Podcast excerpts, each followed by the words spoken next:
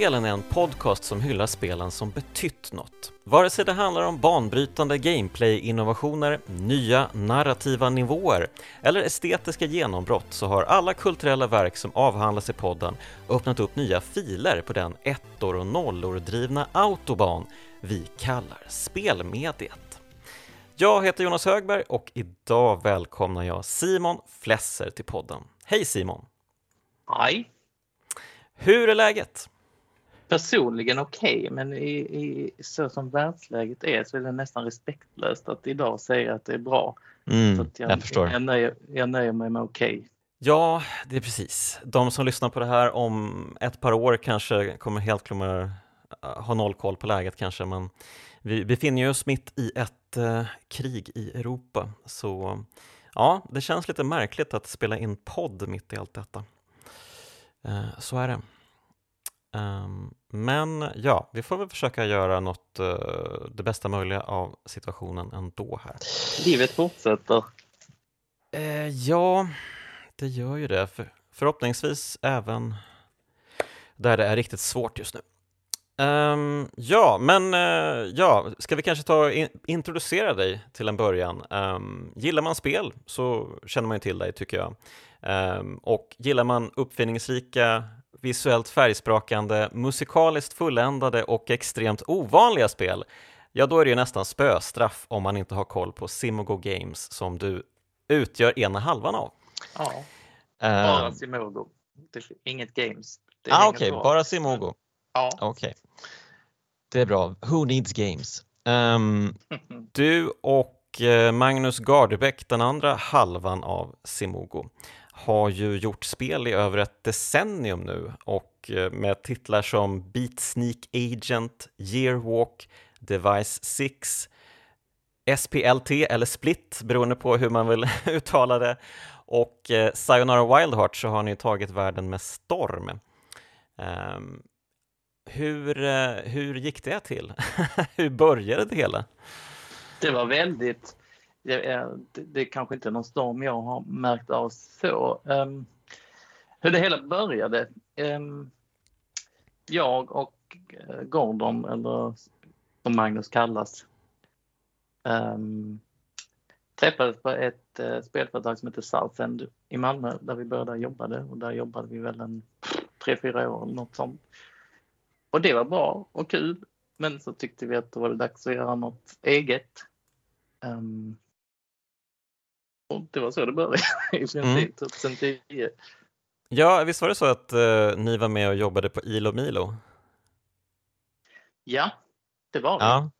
Det är, var ju ett fantastiskt spel, uh, måste jag säga. Jättekul. Um, och det, som jag minns det så var det väl väldigt konstigt sätt att uh, få spela det, uh, när det liksom var i någon sorts early access-version eller vad man ska kalla det.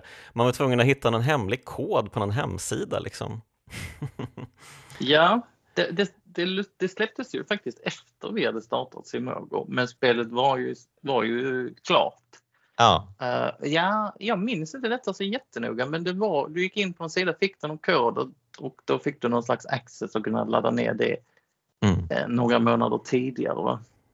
Något sånt. Ja, jag tror det, precis. Um, så det, det kändes väldigt så här hemlighetsfullt och mystiskt. Uh, oj, vad är det här för spel som Uh, typ inte existerar på riktigt men går att spela. Um, så att, uh, ja men det satte väl nästan tonen lite grann för um, de spel ni skulle sen göra med Semogo. Um, det fanns lite av den konstiga ingrediensen redan då tycker jag. men ja, och sen så började ni utveckla mobilspel. och och det gick väl ganska bra redan från första början antar jag, eller hur har liksom resan sett ut sedan dess? Ja, alltså det har väl aldrig gått dåligt, eller, men, men den har inte varit spikrak heller, även om det kanske ser ut så, även om man kanske är bra på att själv ge den bilden. Men, mm. men, eh, men det, man kan väl säga att de här första var väl inga högriskprojekt. Så att det, mm. um, men jo, det har väl i stort gått bra, bara fortsatt bättre och bättre med ett par, eh, med ett par, vad ska vi säga, uh, felavfarter på, från motorvägen då och då. Men, uh, okay. men det är OK. Det är så livet ska vara. Mm. Ja men uh, fantastiska spel gör ni. Um, Tack. Och uh, vad, alltså, vad skulle du säga liksom utmärker ett Simogo-spel? Det är egentligen lättare för någon utifrån tror jag att svara på vad det är för mig. Uh, jag vet inte. Jag tror väl också, jag tror bara att lite kanske det personliga skiner igenom. Mm. Så det har väl egentligen varit lite av en poäng att det alltid ska vara något nytt som inte bara överraskar de som ska spela det utan oss själva. Mm. Och det har väl kanske varit det utmärkande att det alltid har hela tiden gått ut på hur ska vi nu förnya det här liksom, eller vad ska vi göra härnäst som är Samtidigt så finns det väl alltid en, en slags man kan ändå se, om man spelar första spelet till sista spelet så kan man ändå nästan se en tankeutveckling. Det är liksom, även om det strecket inte är, är spikrakt, men det finns alltid en, ja men det är lite som att man man, man öppnar låda, samma låda, tar ut ett par idéer och sen var det vissa som inte platsade och så kom, kom de lite senare och ja. Mm ja. Ja men precis, det är ju det är svårt för ett eh, geni att förklara sina tankegångar. Så oh, är det, nej. det förstår jag. Eh, men du, på er hemsida så skriver ni att eh, fans gärna skickar blommor till er och jag bara antar att ni badar i rosor dagligen, eller hur är det? Vi får blommor lite då och då. Det har jag nog bara, ja det, står, ja, det är någon formulering där va? som att ge upp på våra adresser och ställa skicka blommor till. Det har vi fått ibland. Jag kan, kanske inte med frekvensen, med någon daglig frekvens men, men det händer. Jag tror att du är alltför blygsam här. Men, eh, men okej då. Jag väljer att tro att uh, Simogo badar i rosor och blommor. All right den bilden vill jag ta med mig, eh, gärna in i det här poddavsnittet också.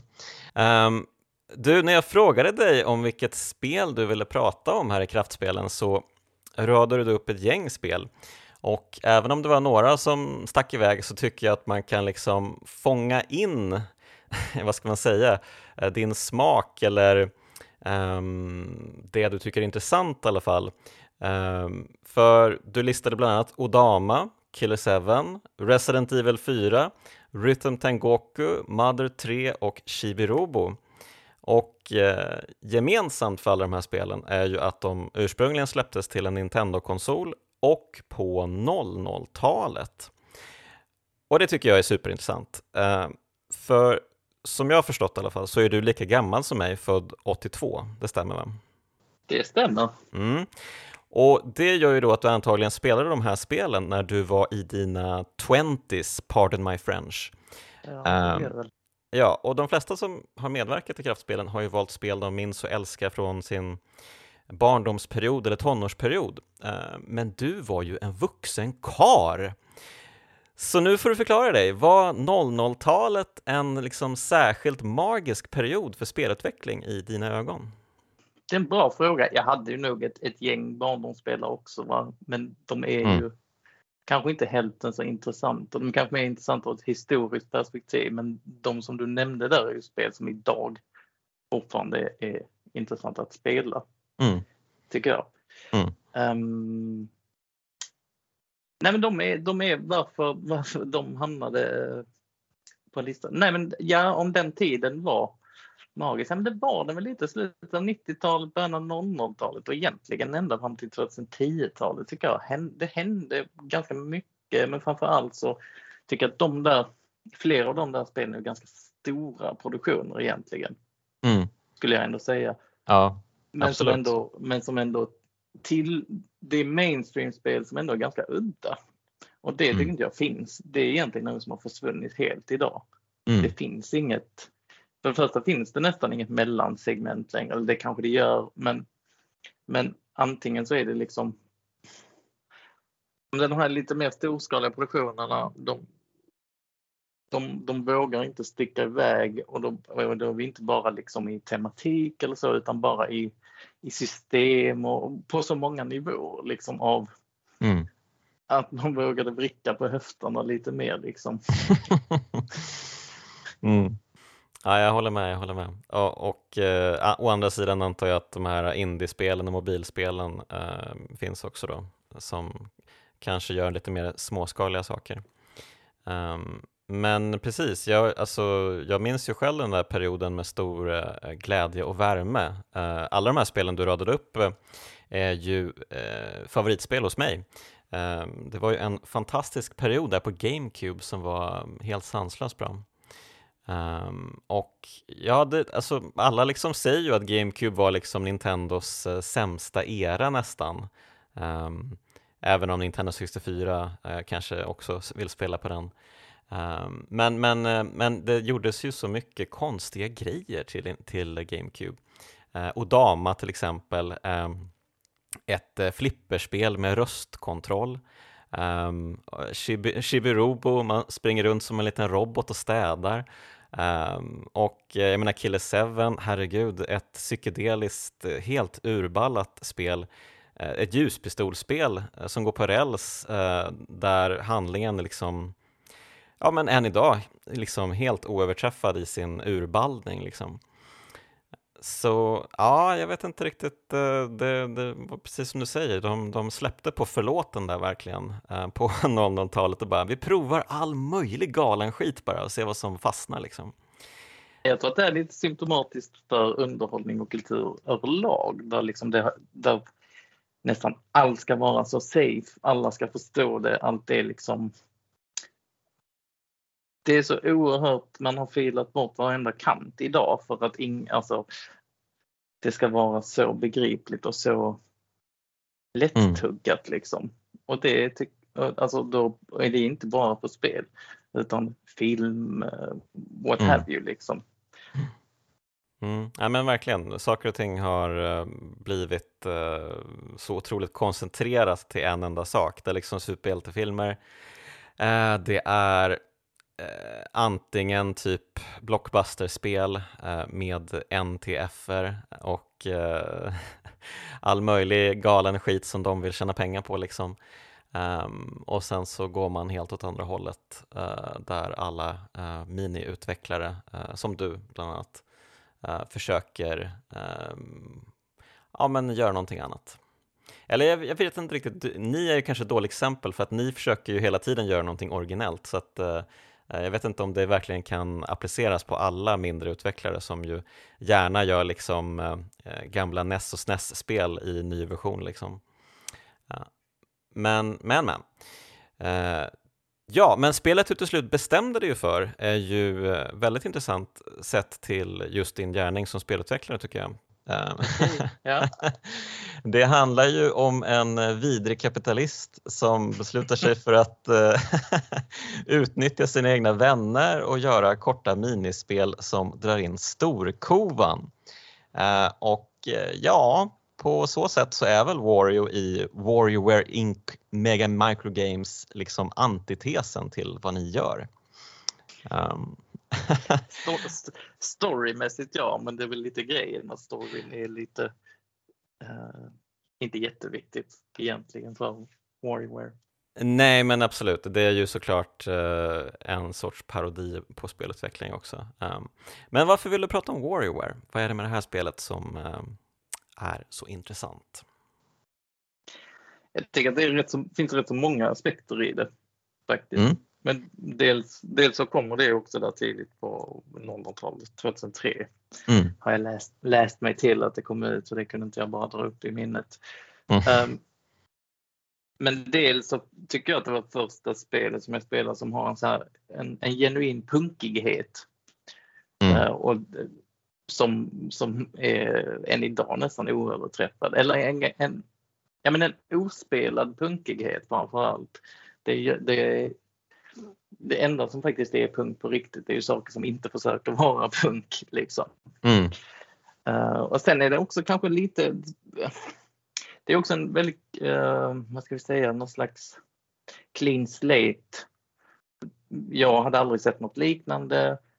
Um, idag kanske det finns mycket som påminner om det eller har lite av samma, har inspirerats av det. Visst mm. fanns den här Konami-serien innan som jag inte kommer ihåg vad nu den heter, den här med tre spelare och tre knappar. Vad heter den? Mm, jag vet inte riktigt. uh, arkadspel finns ettan och tvåan Playstation 1. Nu försvann namnet bara. Ah, okay. Inte riktigt samma sak heller. Ganska långa minispel och så. Men mm. Men just här fanns, och det, fanns, det finns ett uttryck också i det som är genuint bara ett spel. Det är ingenting annat. Det har inga ambitioner att vara något, någonting annat. Det kunde aldrig ens finnas i, i ett annat medie så som det är liksom. Mm. Ja men eh, för de som har absolut noll koll på vad det är vi pratar om här då så, um, så är ju uh, Warrior um, liksom serien eller även det här första spelet då som kom 2003. Um, det är ju en minispelsamling eller som uh, Nintendo själva kallar det mikrospelssamling ehm, där man spelar jätte, jätte, jättekorta ehm, spel i ungefär tre sekunder Uh, och de staplas på varandra så det är liksom en snabb um, uh, su succession, succession av uh, spel. Eh, och det blir, takten går bara snabbare och snabbare och eh, det blir lite bossstrider emellan men hela tanken är att man ska eh, försöka ta sig så långt som möjligt i den här ständigt stegrande vansinnet som är då Warriorware. Um, ehm, och ja, precis som vi pratade om finns ju någon sorts eh, kringhandling kring det hela eh, i att eh, den ständigt vidrige eh, spelkaraktären Wario eh, får en idé, han ska bli rik på att ge ut spel. Eh, så han hoppar på sin båge, åker och köper en dator som har en mustasch, eh, blir president över sitt eget spelföretag, ehm, inser att det är jättetråkigt att utveckla spel ehm, och ringer in sina vänner, vilket ju är ett stort frågetecken. Har Wario vänner? Va? Eh, man förstår ingenting. Oklart. Mycket oklart och eh, då är det då en rad olika karaktärer som har olika eh, minispelsamlingar som man då tar del av. Um, och eh, ja, det är ju eh, verkligen än idag ett unikt spel. Även om det kommit många liksom avknoppningar av Warrior-serien så är det ju verkligen eh, alltså suspekt unikt nästan i det här att det går så jävla snabbt och man bara shit, vad ska jag göra nu? Jag, jag, liksom, jag ska få en flicka att eh, sniffa upp sitt snor i eh, näsan igen. Eh, vad ska jag göra då? Jag måste peppra på knappen. Okej, okay, jag är klar. Oj, nu måste jag liksom skära en eh, stek Um, hur gör jag det? Jag trycker fram och tillbaka på styrkorset jättesnabbt. Pang bom, klar, vidare till nästa spel och så bara ökar, ökar, ökar, ökar, ökar. Um, så att uh, jag, jag, när jag spelade om den nu så fick jag ju, så fick jag ju faktiskt uh, ganska rejält stresspåslag efter ett tag. uh, ja, jag vet inte. Har du spelat om det på sistone? Det spelade så sent som igår. Jag mm. spelade hyggligt ofta ändå ska jag säga. Jag gillar att mm det, det är det som sitter i min Gameboy Micro. Mm, okay. eh, om det är något som sitter i. Um, ja, ja, det gör jag. Men eh, precis, men det finns ju verkligen, eh, alltså det finns ju speciellt liksom um, det estetiska är ju väldigt härligt i det här spelet. Um, det är ju verkligen en helt säregen stil um, med uh, Ja, men dels, alltså spelen är ju jättefula, men det, man, jag tycker att det finns ett värde i att spelen ser så eh, fula, de blir så charmiga på något sätt. Um... Precis, och det är återigen det här punkiga, att det känns som att det, det, det är liksom det finns ett väldigt genuint uttryck i det och ett väldigt humoristiskt uttryck också. Det är, mm. det är också ett spel som är väldigt, väldigt roligt och som man skrattar väldigt ofta åt. Och ofta bara åt tempot eller ja. det, det, blir liksom en blandning av tempot och tematik och, och allt i ett. Liksom. Så återigen, där finns en humor som är väldigt, väldigt specifik för spel. För mm. den, den, visst kan man argumentera att det kanske finns alltså slapstick och, och lite så prutthumor och så vidare som går att applicera på andra uttrycksformer. Men, men det finns ändå på något sätt ett väldigt ett genuint uttryck som gör att man skrattar åt någonting som bara kunde göras som ett spel. Liksom. Mm. Mm, ja, men jag tror jag precis hur du menar. Um, det, det här att man är delaktig i någonting som Ja men i Warriors fall så känns det ju Alltså man skrattar ju mest åt hela situationen Att man sitter och spelar de här spelen i liksom turbotakt. Um, och sen alla de här konstigheterna som bara liksom uh, radas upp här. Um, men, men liksom även uh, musiken och uh, de här samplade ljudeffekterna som då många är tagna från Warriorland 4 uppenbarligen. Um, de är ju helt perfekta skulle jag säga. Alltså de är helt underbara. Det finns ju någonting, det, det känns så burkigt ljudet på något sätt. det känns så um, omastrat liksom. Uh, förstår du vad jag menar? Ja, men det hela, det är liksom också ett... Um, man har någon slags nästan direktkontakt med spelet, skulle jag säga. Mm. Det är ett uttryck som också är väldigt um, format av formatet det är på, alltså Game Boy Advance med, med, sin, med sin upplösning, med sitt oerhört uh, dassiga ljud. men, som, men som ändå får liksom allt det här att, att flyga just för att det, det jobbar med de begränsningarna på ett väldigt roligt sätt. Mm. Ja, ja, verkligen. Um, och um, ja, ja alltså, alltså, finns, det liksom, liksom har, någon, har du någon favoritsamling um, i de här? Um, alltså, alltså många kanske graviterar mot uh, Nintendo-spelen. För det, för det finns, finns ju en karaktär som heter Ja, vad heter han igen? Gyro någonting? Nej. Nej, han heter Nine Volt. Nine Volt, precis. Han fick ju, han fick ju sedermera en kompis, inte 18 Volt. Just det. Och sen i uh, ännu senare spel så har jag hans mamma med va, som heter Five Volt. Gör hon inte det? Five Volt, okej. Okay. Jag, jag, tror att mamman heter det. Jag kan ha fel. Hon ah, som kommer in, in i de här heter Gamer när hon är... När hon, mm -hmm. Ja, det är möjligt. När, när man ska stänga, nej man ska stänga det. Vad fan är det man gör? Det var med Made in, eller det här Game Wario på, på, på Wii U från första och sen är det med i Warrior Gold. Okej, okay, jag har inte spelat alla Warrior-spel ska okay. sägas. Men det, du, det, har du gjort antar jag? du Men är inget, är ju, inget är ju lika bra som det första.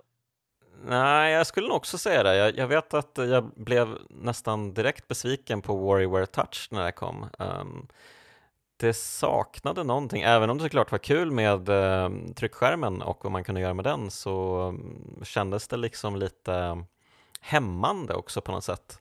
Det var så skönt att man bara kunde ha liksom händerna på alla knappar och um, det, det liksom kändes gjutet på något sätt, gjuten till händerna i kontrollen. Medan det blev lite mer slappare kanske med eh, pennan där. Eh, jag vet inte, det tyckte jag kanske. Vad tyckte du? um, det är en bra fråga. Jag tyckte, ja, nej, men touch det är väl någon slags det känns lite mer analog på ett sätt. Och de det är lite mindre, alltså själva designen på de här, många av de mikrospelen är lite mindre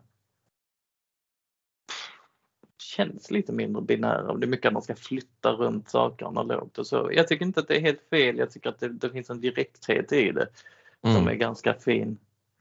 Mm. Um, men, det, men, det, är väl värt att, att prata om just, just om, om inputen i första eller liksom hela konceptet med att man kan de gör så mycket med bara styrkorset och A-knappen. För det är mm. ju alltid bara de som är aktuella i vilket spel man än spelar i de här. Mm. Och det har, det har varit otroligt inspirerande för mig. Vi, jag, vi har ju alltid, jag har en sån, så fort vi börjar använda fler knappar eller något sånt så, så har jag alltid en sån ett sånt litet samvete som sitter och viskar i mitt öra och säger nej, det, det är bara dåliga designer som behöver använda mer än en knapp i spel. Ja, jag förstår precis vad du menar och jag, jag, håller med i sak, även om det såklart finns vissa spel som möjligtvis kan behöva fler knappar.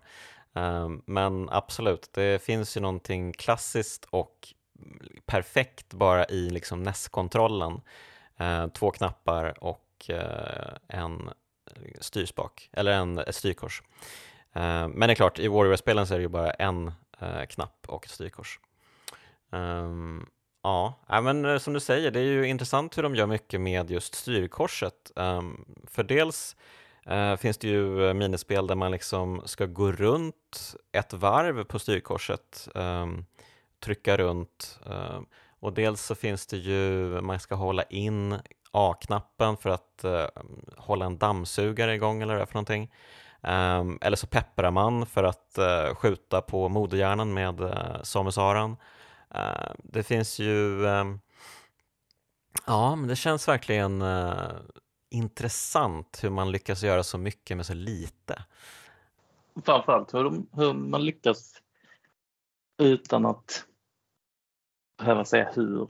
Framförallt utan att behöva på något sätt kommunicera hur man mm. gör utan du får bara upp det här eh, verbet ofta liksom hoppa eller flytta dig eller så, kommando snarare till dig som spelare. Mm. Och att du bara förväntas förstå det och det är ju det är ju så snyggt att det, att det går att göra. Ja, precis. Ehm, jag har alltid undrat över det faktiskt, för redan från liksom första början när, på nästtiden när de gjorde Super Mario Bros ehm, så var det ju, eh, alltså själva, det var någonting med just själva Mario-upplevelsen där som kändes så eh, självklar på något sätt. Att ja, du trycker framåt för att gå, du trycker på en knapp för att hoppa, du håller in en knapp för att springa. Eh, det var liksom klockrent redan från första början. Och sen dess har det bara blivit sämre typ. Eh, men, eh, nej men eh, så det är intressant, eh, men det är också intressant då hur Nintendo liksom går tillbaka till sin egen historia med de här spelen som 9 Volt levererar. Det är ju liksom massvis med gamla härliga NES-spel som man återser. Och det är ju spel som, många spel som jag verkligen inte har spelat heller. Som det här um, typing-spelet till exempel, där man ska um, ja, men helt enkelt skriva på ett, en, ett tangentbord. Liksom. Um, ja, nej men, ja det är väl också lite intressant att det är liksom det första, eller inte för, typ Smash, Smash Brothers och så har det ju kommit innan, men det, men det är ju mm. ett av de första Nintendo-spelen som gör det här som ska vi säga, spelar så hårt på Nintendo nostalgi i 9-volt-spel. Mm. Och sen kan jag kanske känna att serien har dragit väldigt långt till den nostalgigrejen, mm. vilket jag kan tycka är synd. Men men jag inbillar mig, och det är möjligt att jag har fel, men att det ändå är det första Nintendo-spelet som är väldigt så här eh, Ja men spelar på nostalgin. Fast å andra sidan så gör det det ju på ett väldigt eh, på ett parodiskt sätt som ibland inte är romantiskt utan nästan mer pekar på sig själv. Titta vilka idioter. ja men alltså som jag har förstått det så ska ju utvecklarna till eh, i alla fall det här första WarioWare de ska ha utvecklat eh, spelet lite vid sidan om egentligen utan att eh, cheferna kände till att de höll på med det här spelet. Eh, och det är väl lite därför som de har återanvänt många samplingar och musikslingor och sånt. för att de inte liksom hade råd eller ens kanske hade en musiker i teamet. Jag vet inte. Jag bara spekulerar, men vad jag förstått så var det liksom lite av en hemlighet som de sen bara, ja men vi håller på med den här grejen Jaha, det där ser ju trevligt ut. Fortsätt. Men sen var det ju också, det är väl sprunget ur ett minispel ur ett annat spel va? Mm. Det är ju från början ur något 64 DD Just det. Pol Polygon Studio, är det så det heter? Ja, alltså det var, var det inte någon sån här Paint-spel eller hur? Mm. Nu ska jag titta här för jag. Mario Artist Polygon Studio Just för så. Nintendo 64 DD. Mm. Den här äh, extra äh, tjotafräsen. som... Mm, diskdriven till 64. Diskdriven, precis. Um, ja, eh, precis. Det, det fanns då ett speciellt spelläge som hette Sound Bomber um, som man snodde Um, jag antar att man snodde musik och ljudeffekter redan där. Ja, lite oklart faktiskt. Men, eh, ja. Men det är flera av de minispelen. Jag, jag, tror inte det är så många, det är kanske bara tio, men som är faktiskt direkt i WarioWare. Det här med snurran och pilen när man stannar och när man mm. hoppar över korven. Men de byggde ju då på det här att man hade byggt sin egen polygonmodell och sen kunde man använda dem mm. i det här Sound Bomber. Har du spelat det här spelet? Nej, det har jag inte. Nej. Faktiskt. Ja, det är någonting du får söka upp känner jag. uh, alla WarioWare-fans måste ha tag på Mario Artist Polygon Studio. Um, ja, nej men alltså det är ju ett um, det är ju ett, precis som du säger, det är ett punkigt spel, men det känns så liksom, allting med spelet är så um, fulländat på något sätt. Jag tycker han, handlingen är ju, den är ju verkligen eh, en eh, liksom bieffekt och så, men det är ändå liksom någonting charmigt med den. Den är så himla konstig och, och eh, liksom verkligen gjord med, eh, med eh, vänsterhanden. Um, och just därför så känns den liksom uh, svinbra. Jag vet, inte jag vet inte varför jag tycker det är så otroligt fascinerande, men när spelet tar slut och uh, Wario har vunnit stora spelpriser för, för, det här, för sina spel um, så snor han alla pengar och flyr i ett uh, ja, men typ rymdskepp av något slag Eh, varpå en av karaktärerna eh, liksom simmar in i raketen upp i luften eh, och så att han eh, kraschar i vattnet och eh, alla pengar flyger ut från, eh, ja men de flyger väl i luften antar jag. Mm, och sen är det slut. Ja, och sen är det slut. Det, det är perfekt. Och det bästa av allt är ju att eftertexterna eller ja, det är, ju, lite tråkigt i och för sig, men eftertexterna listar ju bara karaktärerna. Ja. Karaktärerna som varit med i spelet, det är ju inte de som har utvecklat spelet. Så de bara, ja de här var med, Wario, Jimmy T, Mona, Dribble and Spit, Cat och Ana, 9 Volt, Krygor, Orbelon. Um, det känns, uh, ja, det känns verkligen som att uh, det är ett eget litet universum som man får ta del av. Mm um, där, nej nej nej, det var inga riktiga utvecklare utan det var de här karaktärerna som har gjort mm. allting här. Liksom. Eh, på något sätt genomtänkt trots att det kanske ännu inte var det, jag vet inte. Men uh, ja, mycket, mycket kul. Det är så uh, oklart hur han simmar i luften, Dr. Krygor. Det, det är bara köper man när han kan simma. Mm. jag vet inte, har han något litet jetpack eller så? Men, ja. Nej, det, det tycker jag inte. Han nej, bara han simmar bara... i luften. mm. Ja, nej men, men precis. Fanns det liksom finns det någon speciell samling i de här samlingarna som du tycker är bättre än de andra eller finns det någonting här som liksom står ut för dig? Jag tycker egentligen bäst om de här som man låser upp sist som är alltså som mixar allihopa. Mm. Som ofta har det här, man spelar allt på ett liv eller man spelar allt på den svåraste nivån eller så. Men om det, ja, det, det är en bra fråga. Jag tycker nog om jag gillar nog Warriors egna men mm. de har väl alltid lite, ja, Jimmy T Sport, 9 eh, volt är, är Nintendo-tema och så vad är det, mm. andra är alltid natur, är det så? Tror um, att det är tanken. Ja. ja. Um, och så är den här hunden och katten, det är alltid en sci-fi tema. Ja, just det. Och sen så är det lite ninjaaktigt med eh, katt och Anna. Eh, eller är det inte natur? Har jag hittat på det? Det ja, det kanske är både och. Nej, eller så är det kultur. Jag minns inte. Men ja, det... just det. Mm. Men äh, generellt gillar jag spel där, där, där, där de ska äta någonting. De är ofta väldigt roliga. Ja, jag vet om det, det. det, mm. det stor, jag vet inte, det, det, det är bra. Det är ofta stora tungor och, och glassgrejer. Och, mm. Mm. Men eh, så här då, vilka liksom kan man göra kopplingar mellan de här minispelen i Warrior till mobilspelen som några år senare började dyka upp? Det finns ju, man har ju sett några som är liksom, det här är ju direkt inspirerat. Jag tänker framförallt på, det i och för sig från Warware Touched, men det finns ju ett minispel som jag tror heter Steel Chef eh, och där man eh, helt enkelt skär frukt. Ehm, eller olika eh, saker, liksom, olika um, ätsaker. Ehm, och då tänker man ju direkt på Fruit Ninja som sen blev en supersuccé. Um, antar att, eller det kanske är lite förmätet att tro att alla mobilspelsutvecklare har spelat Warrior och bara plockat idéer därifrån, men jag vill ändå liksom se någon sorts, uh, någon sorts DNA-sträng som går vidare här in i mobilspelen. Det är nog inte helt, eh, helt dum tanke. Sen är det ju nästan tio år senare, eller ja, där. Men, ja.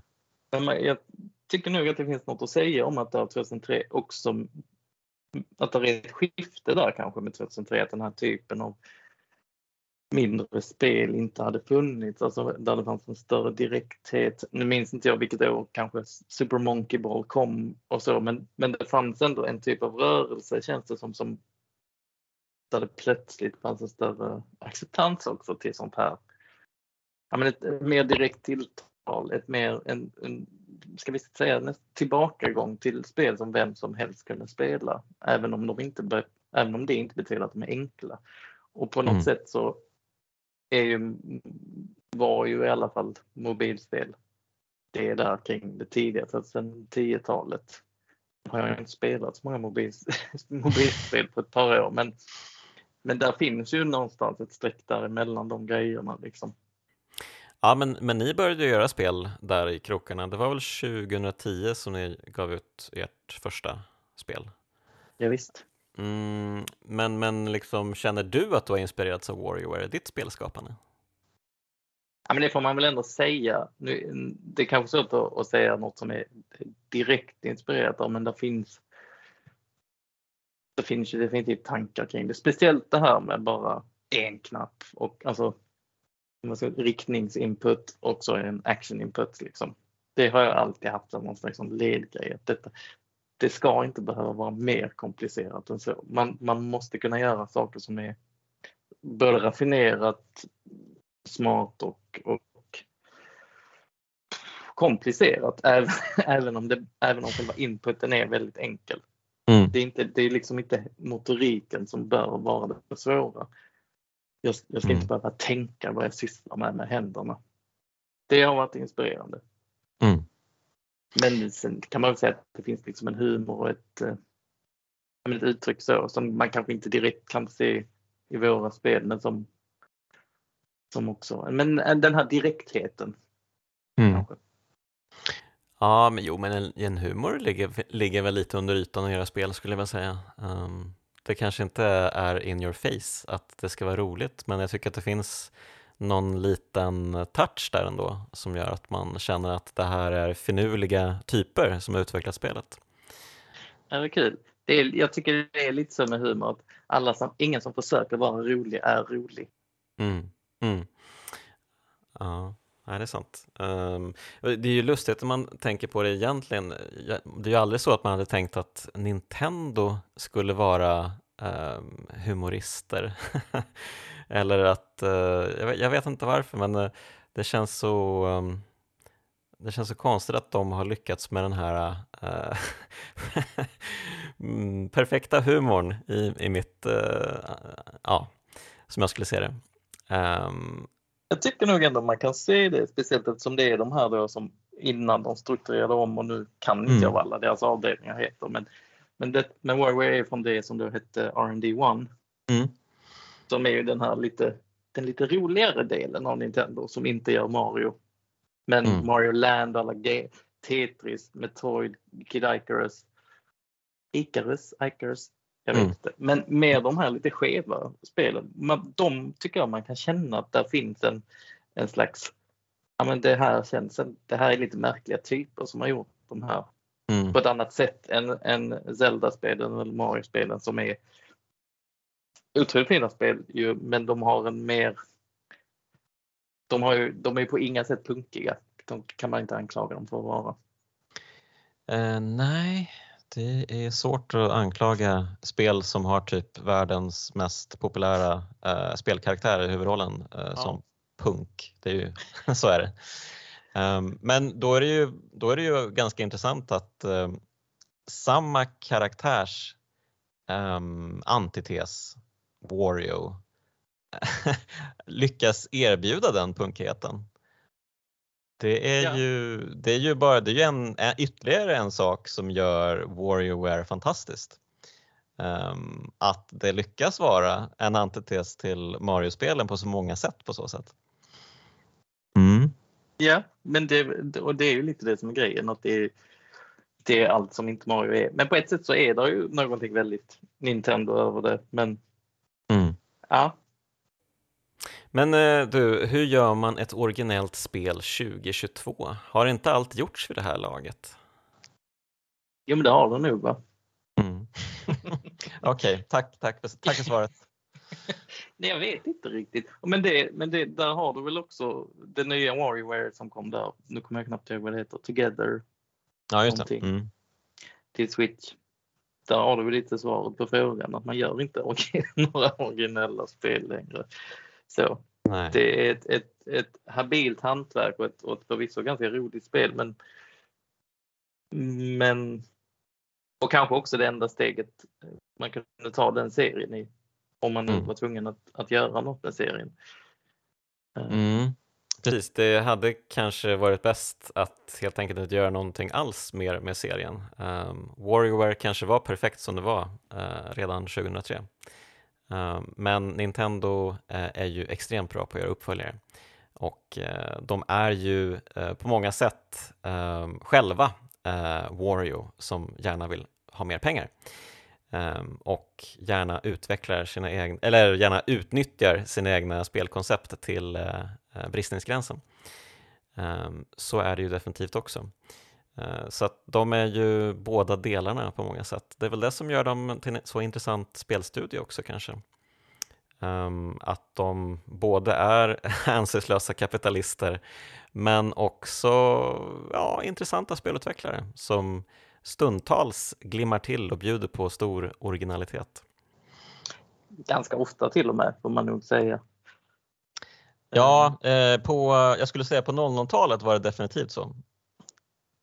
Ja. Det, det fantastiska 00-talet. Ja. Men, eh, ja, men om jag ska ställa frågan till dig då, var, varför tycker du att WarioWare är ett kraftspel? Ett spel som fler borde spela och eh, uppskatta?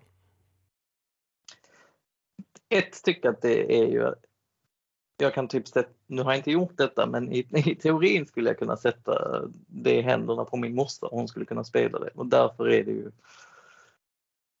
därför är det värt något.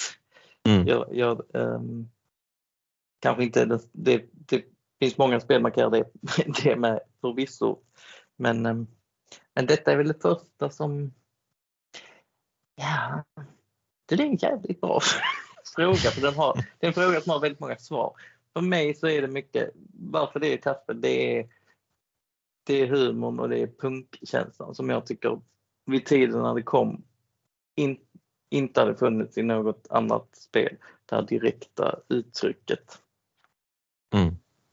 Uh, och som jag tycker faktiskt att det fortfarande har idag. Du kan, det är ju inte så att det känns det känns inte gammalt att ta upp och det känns fortfarande genuint i sitt uttryck.